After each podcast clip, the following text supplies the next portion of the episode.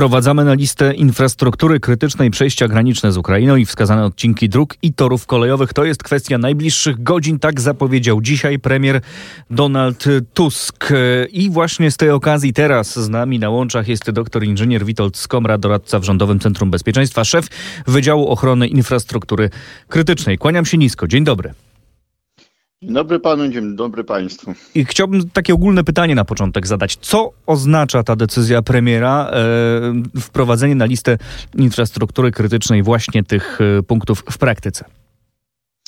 Tak, my mamy dwa aspekty e, związane z e, włączeniem obiektu bądź usługi, bo bo ustawa też dopuszcza e, włączenie usługi do, do wykazu infrastruktury krytycznej. Więc mamy dwa aspekty. Jeden to są obowiązki nałożone na e, operatora takiej usługi lub obiektu, polegające na tym, że musi wyznaczyć osobę do kontaktu, musi mieć e, plan ochrony uzgodniony z wieloma mhm. E, podmiotami, mieć zdolność do przetwarzania informacji niejawnych, ale to są e, to... wszystko obowiązki dla operatora. Tak jest, no właśnie. Natomiast druga odsłona to jest obowiązki, czy raczej, no, często to są obowiązki dla administracji rządowej, w zakresie wspierania tego operatora w sytuacjach takich zagrożeń, z którymi on sam sobie nie da rady. Czyli krótko mówiąc, co musi się dziać w tych miejscach, e, e, w tych, na tych przejściach granicznych teraz, e, kiedy one będą infrastrukturą krytyczną? Czy one muszą być jakby bardziej chronione, czy one muszą być w jakiś sposób, no nie wiem, monitorowane bardziej, bardziej intensywnie? Już mówię. W, wobec obiektów infrastruktury krytycznej szef ABW może wydać zalecenia o podniesieniu poziomu ochrony, o ile uzyska informacje o e, zagrożeniu o charakterze terrorystycznym, które no, może e, dotknąć takiego obiektu. E, I, I to szef ABW nakłada takie obowiązki na podmiot, automatycznie, tak jak wspomniałem, jeżeli podmiot nie, nie jest w stanie sobie poradzić z takimi ryzykami, no bo raczej operator infrastruktury krytycznej nie ma za bardzo możliwości walki z mhm. terrorystami mhm. na przykład, nie? No tak. Y, to wówczas policja dostaje y, zadanie wspierania tegoż y, operatora przy takim zabezpieczeniu. I tu można spodziewać się, że rozumiem, taki jest cel, tak? By, by móc właśnie dodatkowe siły, czy to policji, czy to innych służb, skierować w te miejsca i by one były szczególnie chronione, tak? By ta ochrona tak. była tam wyjątkowo Dokładnie. szczelna. No, nie da się ukryć, że e, sytuacja, jaką mamy, e, no, wykorzystują e, służby e, innych krajów, nie wskazując na Rosję palcem. Mhm. I, I e, powszechnie w mediach społecznościowych pojawiają się sugestie e, z anonimowych kont albo fałszywych kont o konieczności podjęcia bardziej radykalnych działań, podpaleń i innych rzeczy.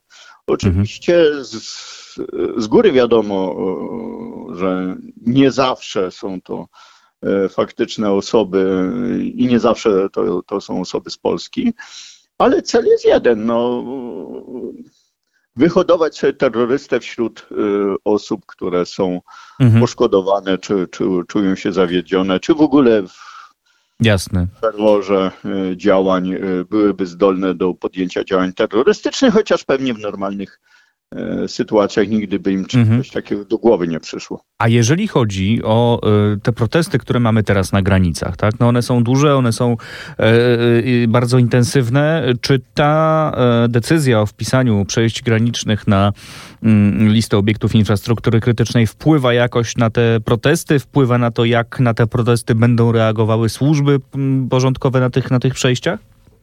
Nie, nie, bo dopóki nie ma działań skierowanych przeciwko takiej obiektowi czy, czy usłudze, to nie. Mhm, mhm. Natomiast odrębną kwestią jest e, sprawa utrzymania e, transportu na przykład leków. Mhm. Mamy sygnały, że szpitale zaczynają mieć problemy z dostawami tlenu, bo, bo cysterny z tlenem są blokowane. To jeszcze. W Polsce, tak? I mówimy nie, o szpitalach. Nie, w Polsce. Aha. O, o, na terenie Polski. Nie? Aha, rozumiem. E, nie ma jeszcze takich sytuacji, żeby, żeby zagrażało to życiu i zdrowiu.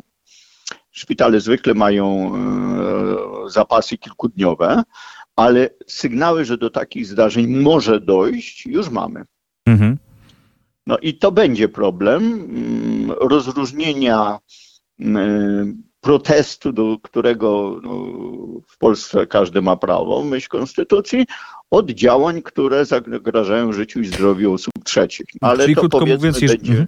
Jeżeli protest mm, stałby na drodze takiego ważnego transportu, no to rozumiem, że mogą zostać podjęte działania o, o, nie wiem, usunięciu protestujących, tak? Jeżeli ten ważny transport byłby blokowany, transport leków czy innych artykułów medycznych, tak jak pan mówi. No, może nie, nie usunięciu protestujących, ale zapewnieniu przejazdu tak. Mhm, mhm, mhm. A sądzę, jeżeli... żeby ktoś chciał na siłę walczyć z ludźmi, Yy, no, można to, oczywiście, można Natomiast... też po prostu chyba zrobić to inaczej. Zawsze można porozmawiać, wysłać negocjatora, który, e, który w ten sposób zadziała. To jeszcze ostatnie pytanie, bo też mówi się o tym, że przez to uznanie tych obiektów za infrastrukturę krytyczną, te transporty do Ukrainy, humanitarne, czy transporty bardzo potrzebnej amunicji i broni, e, mają mieć zapewnioną szybką i sprawną e, drogę. I to też będzie działało na podobnym, w podobny sposób? Czy ustawa o, o zarządzaniu kryzysowym w części dotyczącej ochrony infrastruktury krytycznej o czymś takim nie wspomina? Mhm. Mm, tu chodzi tylko i wyłącznie o podniesienie poziomu bezpieczeństwa wobec zagrożeń, między innymi terrorystycznych. Mhm. No, czyli y, ważne zadanie, zwłaszcza w tych czasach, y, które są bardzo niepewne, o czym już zresztą mówiliśmy. Doktor inżynier Witold Skomra był dzisiaj moim i Państwa gościem. Y, bardzo serdecznie dziękuję za rozmowę i za wyjaśnienie tych no, dość zawiłych, trzeba przyznać, i trudnych kwestii. Dziękuję panu dziękuję państwu. Do usłyszenia.